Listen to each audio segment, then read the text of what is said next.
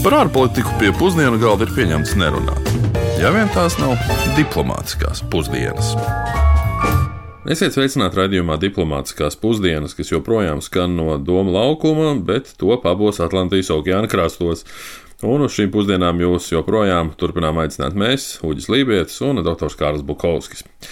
Pēc pagājušās nedēļas būšanas mikroskopiskajā Nauru, kuru daudzi klausītāji pierakstīja gan Vidusjūrai, gan Latvijai, Amerikai, gan Āfrikai, šodien dodamies aplūkot kādu daudziem zināmāku valsti - Irāku. Jā, čau, labdien! Irāk mums vēlējās dzirdēt regulāri klausītāji, tādēļ ar viņu vēlmes ir mūsu interesēs, vai arī mūsu vēlmes sakrīt ar klausītāju interesēm.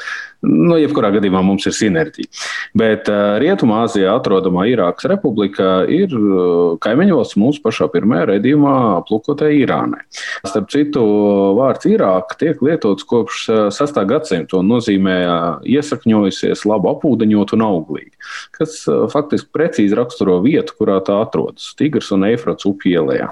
Mūsdienās gan Irāka vairāk ir pazīstama ar dažādiem to skārušajiem kariem, kuriem ir sekojis visai ilgs nestabilitātes posms. Un par šīs 20 gadu ilgušās nestabilitātes sekām tad arī parunāsim šīs dienas raidījumā. Bet vispirms, kā ierasts, vaicājām klausītājiem Rīgas ielās, ar ko viņiem asociējas Irāka. Ar ko jums asociējas Irāka? Sadams Huseins, kas bija diktators, amerikāņi centās ieviest kārtību, bet līdz šim tā kārtība nu, ne tuvu nav ieviesta. Nu, nafta, protams, arī. Karš, jā, un musulmaņi, man liekas. Austrumu zeme. Saistīta ar karstiem punktiem pasaulē. Irāka musulmaņu valsts diezgan bagāta ar naftu. Bijis neesmu, bet, ja būtu iespēja aizbraukt. Azija, tur nav miers, cik es zinu, un vairāk nevaru neko pateikt. Asociācijas ir ar karu, ar islāmu, ar ļoti bagātu, ļoti senu kultūru. Apvērsums, jūs ziniet, amerikāņi iegāja Irākā, nogalināja to prezidentu. Divas konfesijas un trīs tautības. Ko vēl jūs gribētu zināt? Iedzīvotāju skaits kaut kur pie 40 miljoniem, ja nekļūdos. Nestabila situācija, atrodas ārvalstu karaspēks šobrīd vēl joprojām. Demokratizācija nav beigusies. Nu, no civilizāciju viedokļa raugoties, Irākas teritorijas vēsture ir ļoti sena kultūra daudzveidība, un tas ir tikai loģisks gadsimtiem ilgušu miedarbību sekas. Nu jā, nu gal galā mūsdienu Irākas teritorijā no apmēram 3000 līdz 500 gadam pirms mūsu ēras atradās Mezopotāmija, kas ir viens no civilizācijas šūpuļiem.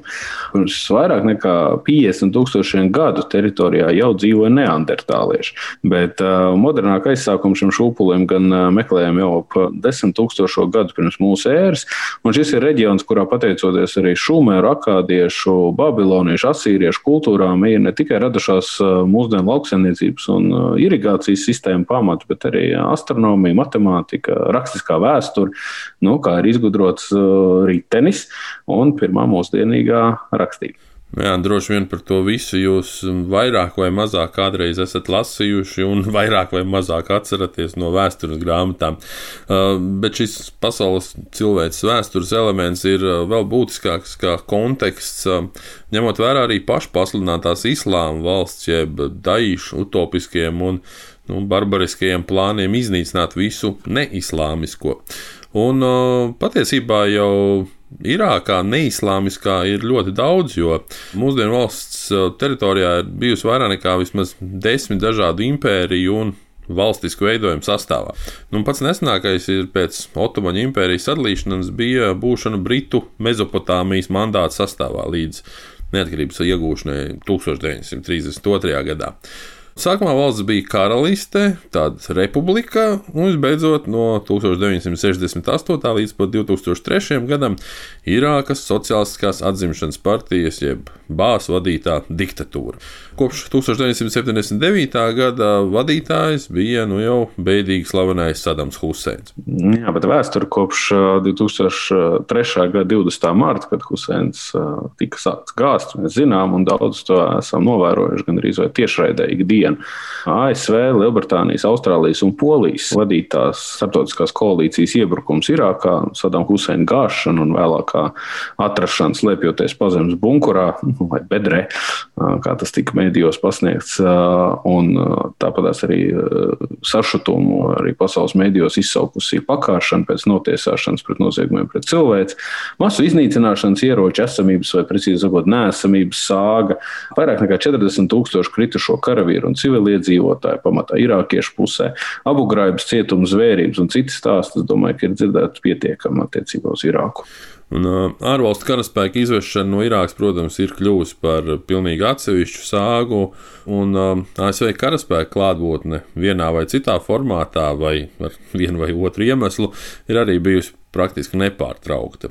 Dažādas miera uzturēšanas misijas un apmācības misijas ir nu, galvenais no šiem iemesliem. 2014. gada Irākas pilsoņu karš šo nestabilitāti valstī tikai pastiprināja, un tad vēl arī Daeša aktivizēšanās un liels daļas Irākas teritorijas ieņemšana, kā arī nu, dažādas ikdienas teroristu grupu aktivitātes, tās kļuva par iemesliem pastāvīgas klātbūtnes nepieciešamībai, un to visu cenšas regulēt ar dažādiem nu, starptautiskiem, juridiskiem, politiskiem formātiem un veidojumiem. Iekšējā nestabilitāte pat pēc eh, deju sakaušanas un eh, bailes par šo politisko sistēmu ieviest spējīgo ekstrēmistu atgriešanos, tāpat ir klātesošs. Nu, respektīvi, vienkāršākiem vārdiem sakot, Daīšs lielākais draudz jau nebija patiesībā ekstrēmās politiskās pozīcijas vai brutalitāte, vai pat spēja vervēt sekotājus pa visu pasauli un veikt teroristiskus uzbrukumus, tos par Eiropas pilsētās. Daīšs lielākais draudz bija tā spēja potenciāli nostiprināties kā valstī un piedāvājot politisko, ekonomisko un sociālo sistēmu tās pakļaut iekļautajās teritorijās. Irākas un arī Sīrijas iedzīvotāji, kas bija dzīvojuši nepārtrauktos karos un pilsoņu karos un nabadzībā, šis deīšu solītais pat nebija pilnībā nepieņemams. Nu, tagad cilvēku savstarpēju attiecību atgriešana normalitātē valsts ietvaros ir tiesībā lielākais izaicinājums nepilnus 40 miljonus iedzīvotāju lielajā valstī.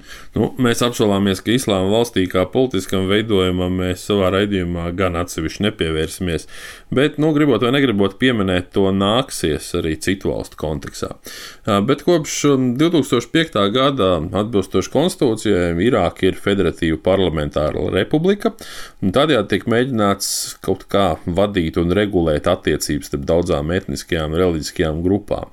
Um, Apmēram 3 ceturdaļas valsts iedzīvotāji ir arābi, kamēr apmēram 15-20% ir kurdi, un tie dzīvo pamatā valsts ziemeļos. Arābu vidū Lielākais islāma novirziens ir šīti, divas trešdaļas, un sunītiem pieder vēl trešdaļa.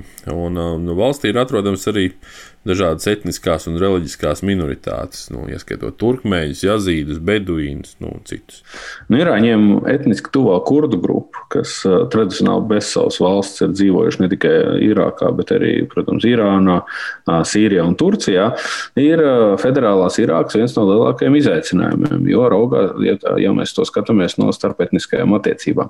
Kurdi Irākā šobrīd nedaudz vairāk par 5 miljoniem, un Kurdistānas reģionālā valdība vēl 2017 gada septembrī sarīkoja neatkarības referendumu, kurā nu, varēja sagaidīt vairāk nekā 90% balsotāju pateica jā Kurdistānas neatkarībai no Irākas. Tas gan rezultējās Irākas-Kurdistānas karā, kuras atkal sekas bija tas, ka centrālā valdība atņēma kurdiem teritorijas, tostarp arī daļu no naftas atradnēm. Un šobrīd sadarbība tiek turpināta politiskā līmenī, bet nu, kurdu valoda joprojām ir otrā oficiālā valsts valoda pēc arābu, kā to nosaka 2005. gada konstitūcijas 4. pants. Jā, situācija nav vienkārša. Un, um, Irāka tiek atzīta arī par vienu no desmit pasaules nestabilākajām valstīm un arī nenoturīgākiem politiskiem reģioniem pasaulē. Bet uh, par um, grupēm Daīšu atstāto politisko mantojumu etniskajās attiecībās un arī etnisko grupu samierināšanas iespējamību, mēs vaicājām um, doktoram Danielam Serveram no Džona uh, Hopkins Universitātes uh, padziļināto starptautisko studiju institūtu un arī Tuvu Austrumu institūtu Amerikas Savienotajās valstīs. U.S. troops in Iraq are truly in non-fighting mode. ASV karaspēka vienības Irākā pašlaik atrodas nekarojošā režīmā. Ne jau gluži tā, ka viņi vispār nekaro, jo speciālo uzdevumu vienības reizi pa reizei kaujās tomēr iesaistās. Taču tā patiesi ir apmācības misija. Atšķirībā no Afganistānas, Irākas spēkiem gan nav vajadzīga tik liela apmācība kā afgāņiem. Es arī neesmu manījis mūsu politiskajās aprindās pieaugušu spiedienu izvest amerikāņu spēkus no Irākas. Lai arī nomināli atrašanās Irākā tiek pamatota ar nepieciešamību cīnīties ar grupējumu Al-Qaeda, patiesībā šie spēki Irākā atrodas, lai pretotos Irānai un to atbalstošajiem spēkiem Irākā. Pašreiz Irākā mēs redzam to, ka visās trijās lielākajās sabiedrības grupās, starp šīītiem, sunītiem un kurdiem, viedoklis ir ļoti līdzīgs. Pašreizējā valsts pārvaldes forma patiesībā īsti labi nestrādā. Tiek meklēti labākie ceļi, kā tikt šai sistēmai pāri. Pašreizējo situāciju varētu salīdzināt ar savulaik Libānā notikušo, kur iedzīvotāji arī saprata, ka viņiem šī etniskā varas dalīšanas sistēma nepatīk. Jautājums gan ir, kā ar to tikt galā un ko likt vietā. Pēdējās vēlēšanas Irākā parādīja, ka arvien vairāk iedzīvotāji noslēdzas par labu cilvēkiem, kuri mazāk uzsver dalījumu dažādās sektās, kopienās vai grupās. Tas nozīmē, ka cilvēki pieprasa labāku pārvaldību. Viņus mazāk satrauc tas, kādas etniskās grupas pārstāvis to spēj nodrošināt. Šeit gan atkal jāpiemina Libāna, kur šāda pārkāpšana etnisko grupu robežām tā īsti nekad arī nav notikusi. Un arī Irākā šī kustība vēl nav nemaz tik liela, varbūt nākamajās vēlēšanās. Tāpēc var teikt, ka irākieši netik daudz domā par tautas samierināšanu, cik par efektīvu pārvaldi.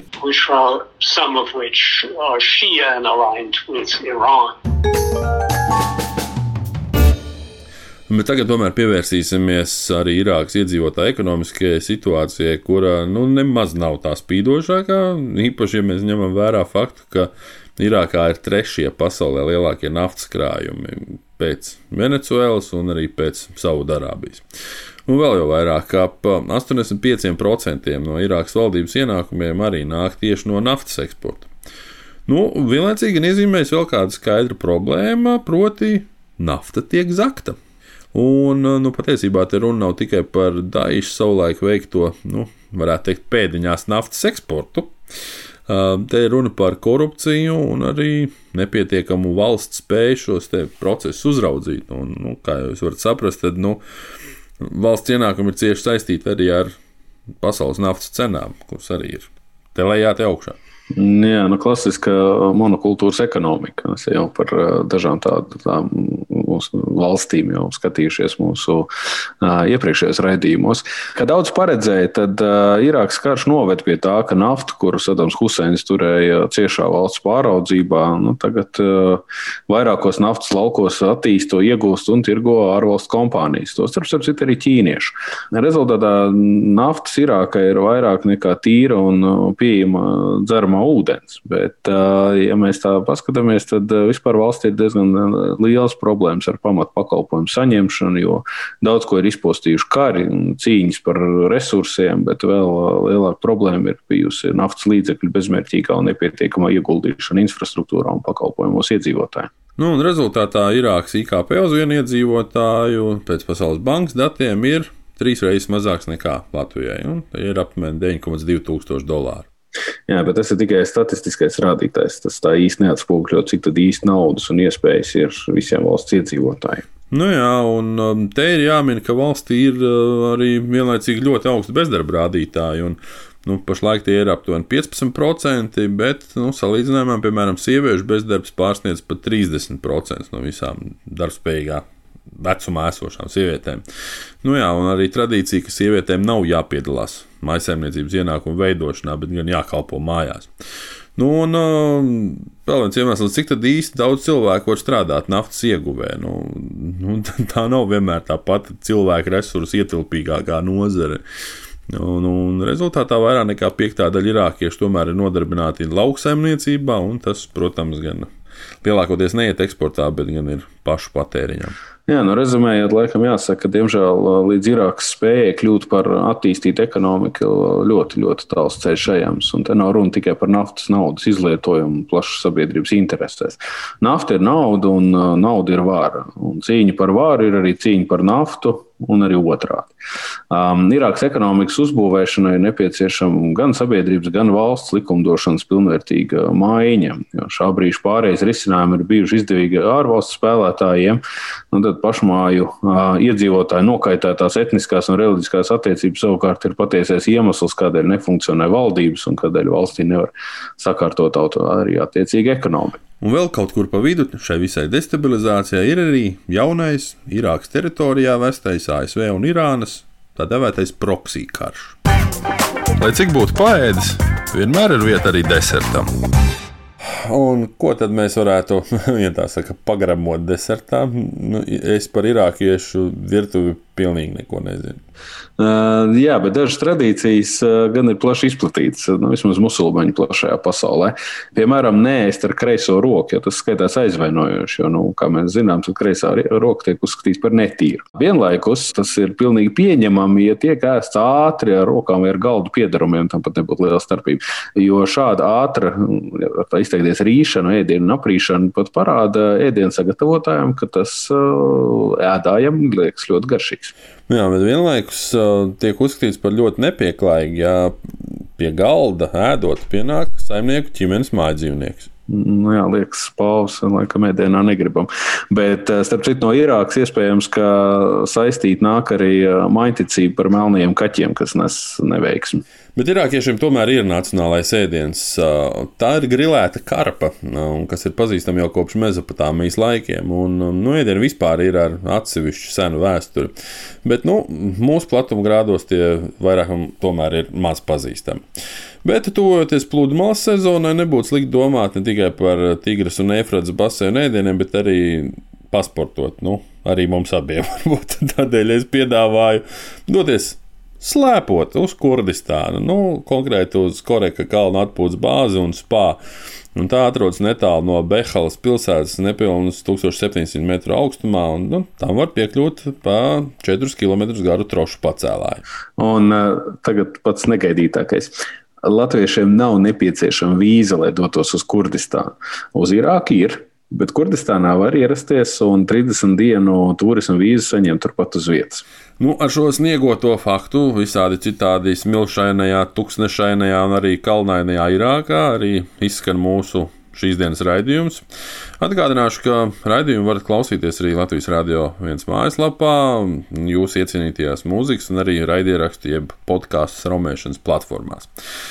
Diplomātiskās pusdienas, kā vienmēr, veidoja un kopā baudīja dr. Kārlis Bukovskis no Latvijas ārpolitikas institūta un Uģis Lībijams no Latvijas Rādio. Uz sadzirdēšanos jau pēc nedēļas. Nu, vēl tikai nu, pieminēšu, ka nākamajā nedēļā dosimies uz vēl vienu siltu, saulainu un ekonomisko problēmu mocītu valsti, bet nu pat jau mūsu pašu Eiropā. Dosimies uz Grieķiju, bet tikmēr, lai viss izdodas. Diplomātiskās pusdienas katru otrdienu pusdienos Latvijas Radio 1.